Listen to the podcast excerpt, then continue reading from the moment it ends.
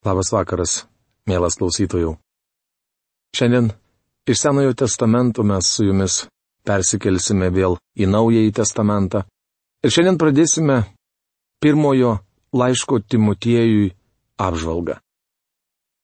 Šiandien aptarsime pratarmę ir su jumis susipažinsime su šios knygos planu. Paprašykime, kad Dievas padėtų mums suprasti tai, ką apaštalas Paulius užrašė mums šioje knygoje.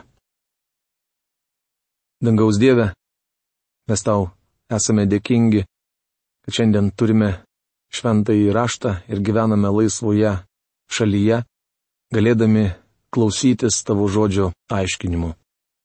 Ačiū tau, kad tu kiekvieną tikintįjį apdovanoji savo šventąją dvasę, paženklini šventąją dvasę atpirkimo dienai Ir dėkojame tau, kad tavo dvasia įveda mus į tiesos pilnatvę. Ačiū tau, kad jinai paima tai, kas yra tavo ir perduoda tai mums, įsunėms Kristuje Jėzuje. Dėkojame tau, Dieve, už šį vakarą ir prašome, kad tavo žodžio dvasia prasiskverbtų į kiekvieną širdį, kuri dar nėra apsisprendusi dėl amžinybės. Meldžiame, kad dvasia išaiškintų tavo žodį kiekvienam klausančiam. Palaimink Dieve šį vakarą. Jėzaus vardu. Amen. Pratarmė. Pirmų laiškų Timotiejui prasideda naujas Pauliaus laiškų rinkinys, kurį sudaro trys pastoraciniai laiškai. Tai yra du laiškai Timotiejui ir laiškas Titui. Šie laiškai taip vadinami dėl to, kad juose kalbama apie vietinę bažnyčią. Skaitydami pastoracinius laiškus pamatysime, kad jie skiriasi nuo kitų Pauliaus laiškų, pavyzdžiui, nuo laiško Efeziečiams. Jame apaštalas rašo apie bažnyčią kaip apie kūną, kurį sudaro Kristuje esantys tikintieji. Bet to šiame laiške kalbama apie nuostabę ir šlovingą bažnyčios padėtį. Neregimoji bažnyčia, kurią sudaro visi tikintieji, priklausantys Kristaus kūnui, žemėje atsiskleidžia per vietinės bažnyčias. Reikia pasakyti, kad Naujajame testamente bažnyčia apibūdinama ne kaip aukštas pastatas su varpinė, sakykla ir galerija chorai. Jos tapatybę įrodo tam tikros savybės. Esu parašęs brošiūrą, kurią pavadinau Dvasinės regimosios bažnyčios žymės. Joje pabrėžiau, kad vietinė bažnyčia turi atitikti viešpaties Jėzaus bažnyčiai keliamus reikalavimus. Pastoraciniai laiškai adresuoti Timotiejui ir Titui jauniems pamokslininkams, dirbusiems drauge su Pauliumi. Jie buvo apaštalo darbo vaisiaus dalis, kitaip sakant, šie du jauni vyrai pažino Kristų Pauliaus tarnavimo dėka. Vėliau jėdu buvo Pauliaus pagalbininkai. Šiuose laiškuose apaštalas moko juos, kaip reikia tvarkytis vietinėje bažnyčioje. Visose trijuose laiškuose Paulius kalba apie du dalykus - bažnyčios tikėjimo išpažinimą ir jos elgesį. Bažnyčia turi tinkamai garbinti Dievą ir atsiskleisti pasauliui gerais darbais. Kitaip tariant, garbinimas yra bažnyčios vidus, o darbai - išorė. Pastoraciniuose laiškuose Paulius plėtoja abi šias temas. Pirmo laiško Timotiejui pirmame skyriuje apaštalas rašo apie bažnyčios tikėjimą, tai yra apie jos mokymą. Antrame skyriuje apie tvarką bažnyčioje. To paties laiško trečiame skyriuje kalbama apie bažnyčios tarnautojus. Ketvirtame apie būsimąjį atsimetimą nuo tikėjimo o penktame ir šeštame skyriuose apie tarnautojų pareigas. Antro laiško Timotiejui pirmame skyriuje Paulius rašo apie bažnyčios kentėjimus, antrame skyriuje apie jos veiklą. Trečiame ir ketvirtame skyriuose apaštalas prabyla apie bažnyčios atsimetimą nuo tikėjimo ir ištikimybę. Laiške Titui šios temos kartojamos. Pirmame šio laiško skyriuje Paulius rašo apie tvarką bažnyčioje, antrame apie bažnyčios mokymą, trečiame apie jos gerus darbus. Taigi bažnyčios šerdis yra tikėjimo išpažinimas, o išorė - elgesys. Kitaip tariant, bažnyčios viduje didelę reikšmę turi garbinimas, o išorėje - geri darbai. Jau minėjau, kad šiandien bažnyčia atsiskleidžia per vietinės bendruomenės. Dažnai jų veikla prasideda pastato statyba. Apaštalo Pauliaus dienomis tikintieji susirinkimams neturėjo specialių pastatų. Manau, pirmiesiems krikščionims jų nereikėjo, nes jie nestatė bažnyčių pastatų. Pirmieji krikščionys dažniausiai rinkdavosi namuose ir galbūt visuomeninio naudojimo pastatuose. Iš apaštalų darbų knygos žinome, kad Efeze Paulius naudojosi tirano mokyklos patalpomis, tikriausiai jas nuomojo. Manau, kad apaštalas kasdien mokė tikinčiuosius kokioje nors auditorijoje, kuri būdavo laisva popietės poilsio metu. Žmonės mielai rinkdavosi paklausyti jo pamokslų. Galima sakyti, jog šie susirinkimai davė pradžią vietiniai Efezo bažnyčiai bendruomenės susirinkimus bažnyčia galima vadinti tik tuo met, jei jiems būdingi tam tikri požymiai. Bažnyčia privalo turėti tikėjimo išpažinimą ir skelbti teisingą mokslą.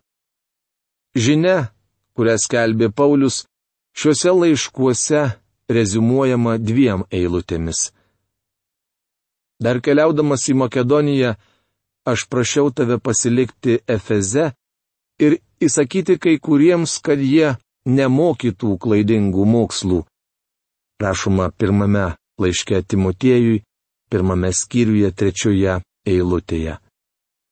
Svarbu, kad bažnyčios mokymas būtų teisingas. Štai kodėl aš sakau, kad pastatas su aukšta varpinė jokių būdų dar nėra bažnyčia. Vėliau jaunam pamokslininkui Timotėjui Paulius rašė. Jeigu užtrukčiau, noriu, kad žinotum, kaip reikia elgtis Dievo namuose, kurie yra gyvojo Dievo bažnyčia, tiesos stulpas ir atrama. Tai pirmas laiškas Timotėjui, trečias skyrius, penkiolikta eilutė. Dar kartą kartoju, kad vietinę bažnyčią sudaro tikintieji, kurie yra Kristaus kūno nariai. Kad jie tinkamai funkcionuotų, jiems būtinas vadovavimas. Savo tarnavimą aš pradėjau kaimo bažnytėlėje. Ji buvo labai maža, todėl krosnį užkurdavo tas, kas sekmadienio rytą pirmas ateidavo į pamaldas. Nors aš visuomet stengdavausi šiek tiek pavėluoti, tačiau beveik kas antrą sekmadienį šį darbą tekdavo atlikti man. Kartais dar turėdavau išluoti salės grindis. Mielas bičiuli, tai labai svarbus darbai. Be to, dauguma tikinčiųjų nori, kad bažnyčioje būtų choras ir kas nors jam vadovautų. Užbėgdamas už akių pasakysiu, kad šiuose laiškuose Paulius rašo, jog bažnyčiai būtini tarnautojai palaikantys tvarką. Beje, skaitydami šiuos laiškus pamatysime, kad tarnautojai turi atitikti tam tikrus reikalavimus. Bažnyčia privalo tvarkingai funkcionuoti ir visuomeniai atsiskleisti gerais darbais. Deja reikia pripažinti, kad šiandien dauguma bažnyčių nedaro to, ką turėtų daryti. Iš pastoracinių laiškų kilo trys skirtingos bažnyčios valdymo formos, būdingos didžiosioms denominacijoms. Reikia pasakyti, kad nuo seno bažnyčios labiau sutarė dėl mokymo, negu dėl bažnyčios valdymo formos. Neįtikėtina, kad šiuose trijuose pastoraciniuose laiškuose žmonės išvelgė net tris bažnyčios valdymo formas. Trumpai visas jas aptarsime. Visų pirma, reikėtų paminėti episkopalinę valdymo formą, kuri vienam ar keliems asmenims suteikia aukščiausią valdžią. Romos katalikų bažnyčioje toks asmuo yra popiežius. Kitose bažnyčiose jis vadinamas arkivyskupu. Jei yra keli vadovai, jie vadinami vyskupais. Episkopalinė valdymo forma būdinga anglikonų bei kai kurioms kitoms bažnyčioms. Jas kontroliuoja aukštas pareigas užimantys žmonės, nepriklausantys vietiniai bažnyčiai. Antroji bažnyčios valdymo forma yra presbiterioniškoji arba atstovaujamoji. Tokiu būdu valdoma vietinė bažnyčia iš savo narių išsirenka kelis tarnautojus, vadinamus vyresniaisiais ar diakonais, kurie ir tampa jos vadovais. Deja, viršesnė organizacija sujungia presbiterioniškas bažnyčias ir vietinės bendruomenės prarado savivaldos teisę. Trečioji bažnyčios valdymo forma yra visiškai priešinga episkopaliniai ir vadinama kongregacinė arba bendruomeninė. Įbūdinga kongregacionistų ir baptistų bažnyčioms. Tokiuose bendruomenėse sprendimus priima žmonės, kitaip sakant, jie yra tikroji valdžia. Tai reiškia, kad visa bažnyčia balsuoja priimant narius bei sprendžiant kitus bendruomeninius reikalus. Galbūt jums kyla klausimas, kaip skaitydami pastoracinius laiškus žmonės juose išvelgia tris skirtingas bažnyčios valdymo formas. Taip yra dėl to, kad kai kurie žodžiai buvo skirtingai aiškinami. Nagrinėdama šios laiškus, pasistengsiu paminėti skirtingus aiškinimo variantus. Įdomu, kad ankstyvosiomis bažnyčios dienomis visos trys valdymo formos pasiteisino ir atrodė veiksmingos. Tačiau pastarojų metų regis visos jos nebefunkcionuoja taip kaip kitados. Žmonės susiję su visomis trimis valdymo formomis kalba, kad bažnyčias drasko vidinį nesantarvi ir tarpusavio vaidai. Kas atsitiko? To jau kas nors pasakys - kalta sistema. Kaip žinote, Amerikoje galioja atstovaujamoji pilietinė valdymo forma, sudaryta pagal bažnyčiaus valdymo formos pavyzdį. Taip yra dėl to, kad pirmieji Amerikos kolonistai nenorėjo, kad juos valdytų karalius. Autokratija buvo vienintelė jiems žinoma valdymo forma ir jie jau buvo perpratę jos trūkumus. Taigi kolonistai nenorėjo, kad šalyje įsivyrautų vienvaldystė, bet taip pat neketino atiduoti valdžios į žmonių rankas. Galbūt šie žodžiai jums skamba keistai, nes šiandien Amerikos politikai sako, jog kiekvienas turi teisę balsuoti kolonistų laikais moterys nebalsuodavo, o iš vyrų balsuodavo tik tie, kurie turėjo nuosavybės ir priklausė elitiniai visuomenės klasiai. Kaip jau sakiau, Amerikos kolonistai nenorėjo, kad juos valdytų karalius, nes negalėjo pasitikėti žmogišką prigimtimi. Kitaip tariant, jie negalėjo pasikliauti vieni kitais. Mes galvojame, kad jie buvo nuostabus patriotiški šventieji, tačiau iš tikrųjų jie te buvo silpni žmonės. Amerikos kolonistai žinojo, jog negali pasitikėti vieni kitais, todėl nesuteikė visos valdžios vienam žmogui, o suteikti valdžią tautai pabijojo, nes ją taipogi nepasitikėjo. Tai prieštarauja politikų postringavimams, jog dauguma neklysta arba liaudės balsas yra Dievo balsas. Tikriausiai jums kyla klausimas, kodėl minėtosios bažnyčiaus valdymo formos tinkamai nefunkcionuoja. Pabandysiu šį klausimą atsakyti ir tikiuosi, kad nesuprasite manęs klaidingai. Žinau, kad man nepavyks išreikšti minties taip, kaip norėčiau, bet pabandysiu. Manau, kad pirmame laiške Timotiejuje apaštalas Paulius sako, jog svarbiausia ne valdymo forma, nors ji yra svarbi, bet tarnautojo charakteris ir asmenybė. Pastoraciniuose laiškuose minimi tam tikri reikalavimai - santūrus, vieną kartą vedęs ir panašiai. Be abejo, šie reikalavimai yra labai svarbus ir apie juos turi būti kalbama vietinėse bažnyčiose. Tačiau reikia pasakyti, kad yra dar svarbesnių dalykų, kurie dažniausiai paliekami nuo šalyje. Turiu omenyje pagrindinius reikalavimus tarnautojams. Paulius bando įskiepyti mums, kad tarnaujantys žmonės privalo būti dvasingi, nes jei vadovai nebus teisūs, nefunkcionuos jokia sistema - nei episkopalinė, nei presbiterioniška, nei kongregacinė. Būtent čia yra tikroji politikų ir bažnyčios tarnautojų problema.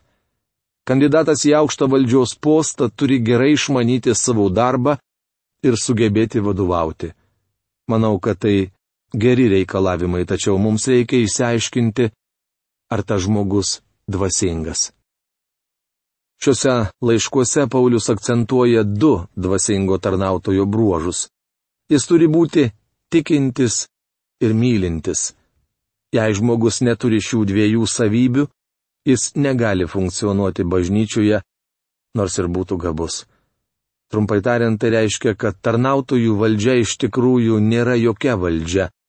Tapęs vyresniuoju, vyskupu ar diakonu žmogus gali imti didžiuotis ir pasidaryti valdingas, tačiau Paulius teigia, jog iš tikrųjų jis neturi jokios valdžios. Tikriausiai norite paklausti, ką jis tuo nori pasakyti. Ogi tai, kad bažnyčios galva yra Kristus, o jai vadovauja šventoji dvasia. Tarnautojas neturi jokios teisės piršti savo valios. Jis privalo atrasti Dievo valią, o tai gali padaryti tik tikintis žmogus. Bet to bažnyčios tarnautojas turi veikti iš meilės. Tai nereiškia, kad jis turi visiems pataikauti, tapšnoti kiekvienam per petį ir kalbėti tai, ką nori girdėti susirinkusieji. Ne. Tarnautojas savo bažnyčioje turi vykdyti Kristaus valią. Jis privalo daryti viską, kad Kristus būtų bažnyčios galva. Aš ilgas valandas praleisdavau bažnyčios tarybos susirinkimuose klausydamasis debatų, visiškai nesusijusių su dvasinė bažnyčios gerove. Dažniausiai ginčiai kildavo dėl to, kad koks nors užsispyręs kietakaktis tarnautojas, laikantis save nepaprastai dvasingu žmogumi, bandydavo žudbūt įpiršti savo projektą. Jam visiškai nerūpėdavo Kristaus valia. Mielas bičiuli, jau nekartą minėjau, kad vietinės bažnyčiaus galva yra Kristus. Jau pačioje pirmoje šio laiško eilutėje apaštalos Paulius pavadina jį viešpačiu Jėzumi Kristumi. Jis yra viešpats. Atsiminkite, jog tai reiškia, kad jis yra visų svarbiausias. Evangelijos pagal Luką 6 skyriaus 46 eilutėje parašyta, kad savo žemiškojo tarnavimo dienomis viešpats Jėzus sakė, kam vadinate mane viešpatė viešpatė, o nedarote, ką sakau. Daugelis žmonių, lankančių bažnyčias, šiandien vadina jį viešpačiu, bet neseka juo. Šiuose laiškuose apaštalas Paulius rašo, kad bažnyčios tarnautojas privalo vykdyti Kristaus valią, jo įsakymus ir troškimus. Mes turime prisiminti, kad viešpats Jėzus Kristus yra vietinės bažnyčios galva. Kaip matote, aš nesiruošiu su jumis ginčytis dėl bažnyčiaus valdymo formos. Puiku, jei manote, kad geriausia yra ta valdymo forma, kurios laikosi jūsų bažnyčia. Tačiau žinokite, kad ją gali įgyvendinti tik teisūs ir tinkami žmonės. Jei žmonės netikę, bet kuri iš šių valdymų formų bus neveiksminga. Nedvasingas tarnautojas yra sulūžęs sraigtelis bažnyčios mechanizme. Todėl šiandien daugelis bažnyčių neatspindi Kristaus. Taigi pirmame laiške Timotėjui kalbama apie vietinės bažnyčios kasdienybę. Apaštalas akcentuoja, jog tikrą viešpatės Jėzaus Kristaus bažnyčią galima atpažinti iš jos vadovų elgesio ir charakterio. Šiandien mes savo laidą užbaigsime šios knygos plano apžvalga. Pirma romėniškai. Bažnyčios tikėjimas pirmas skyrius. A. Įžanga pirmas skyrius pirma antra eilutės. B. Įspėjimas saugotis klaidingų mokslų pirmas skyrius nuo trečios iki dešimtos eilutės. C. Asmeninis Pauliaus liudymas pirmas skyrius nuo 11 iki 17 eilutės. D. Perspėjimas Timotiejui, pirmas skyrius 18-20 eilutės. Antra romėniškai. Viešos maldos ir moters vieta bažnyčiose. Antras skyrius. A. Vieša malda už visuomenę ir vyresnybę. Antras skyrius nuo pirmos iki septintos eilutės. B kaip turi melstis vyrai, antras skyrius aštunta eilutė.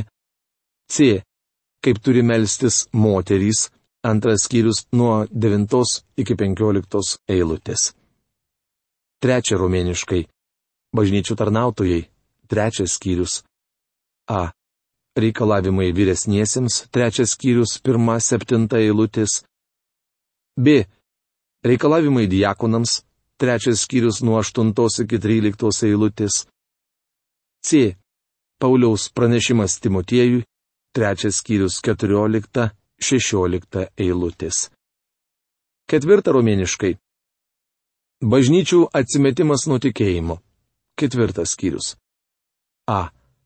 Kaip atpažinti apaštalus. Ketvirtas skyrius nuo pirmos iki penktos eilutės. B ką atsimetimo dienomis gali daryti geras tarnas. Ketvirtas skyrius nuo šeštos iki šešioliktos eilutės.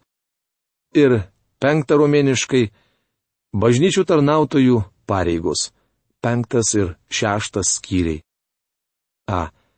Tarnautojų santykis su skirtingomis žmonių grupėmis vietinėse bažnyčiose. Penktas skyrius. Ir B Tikinčiųjų santykis su kitais. Šeštas skyrius. Štai mes ir apžvelgėme pratarime ir knygos planą. Kitoje laidoje mes pradėsime šios knygos apžvalgą. Iki greito sustikimo. Sudė.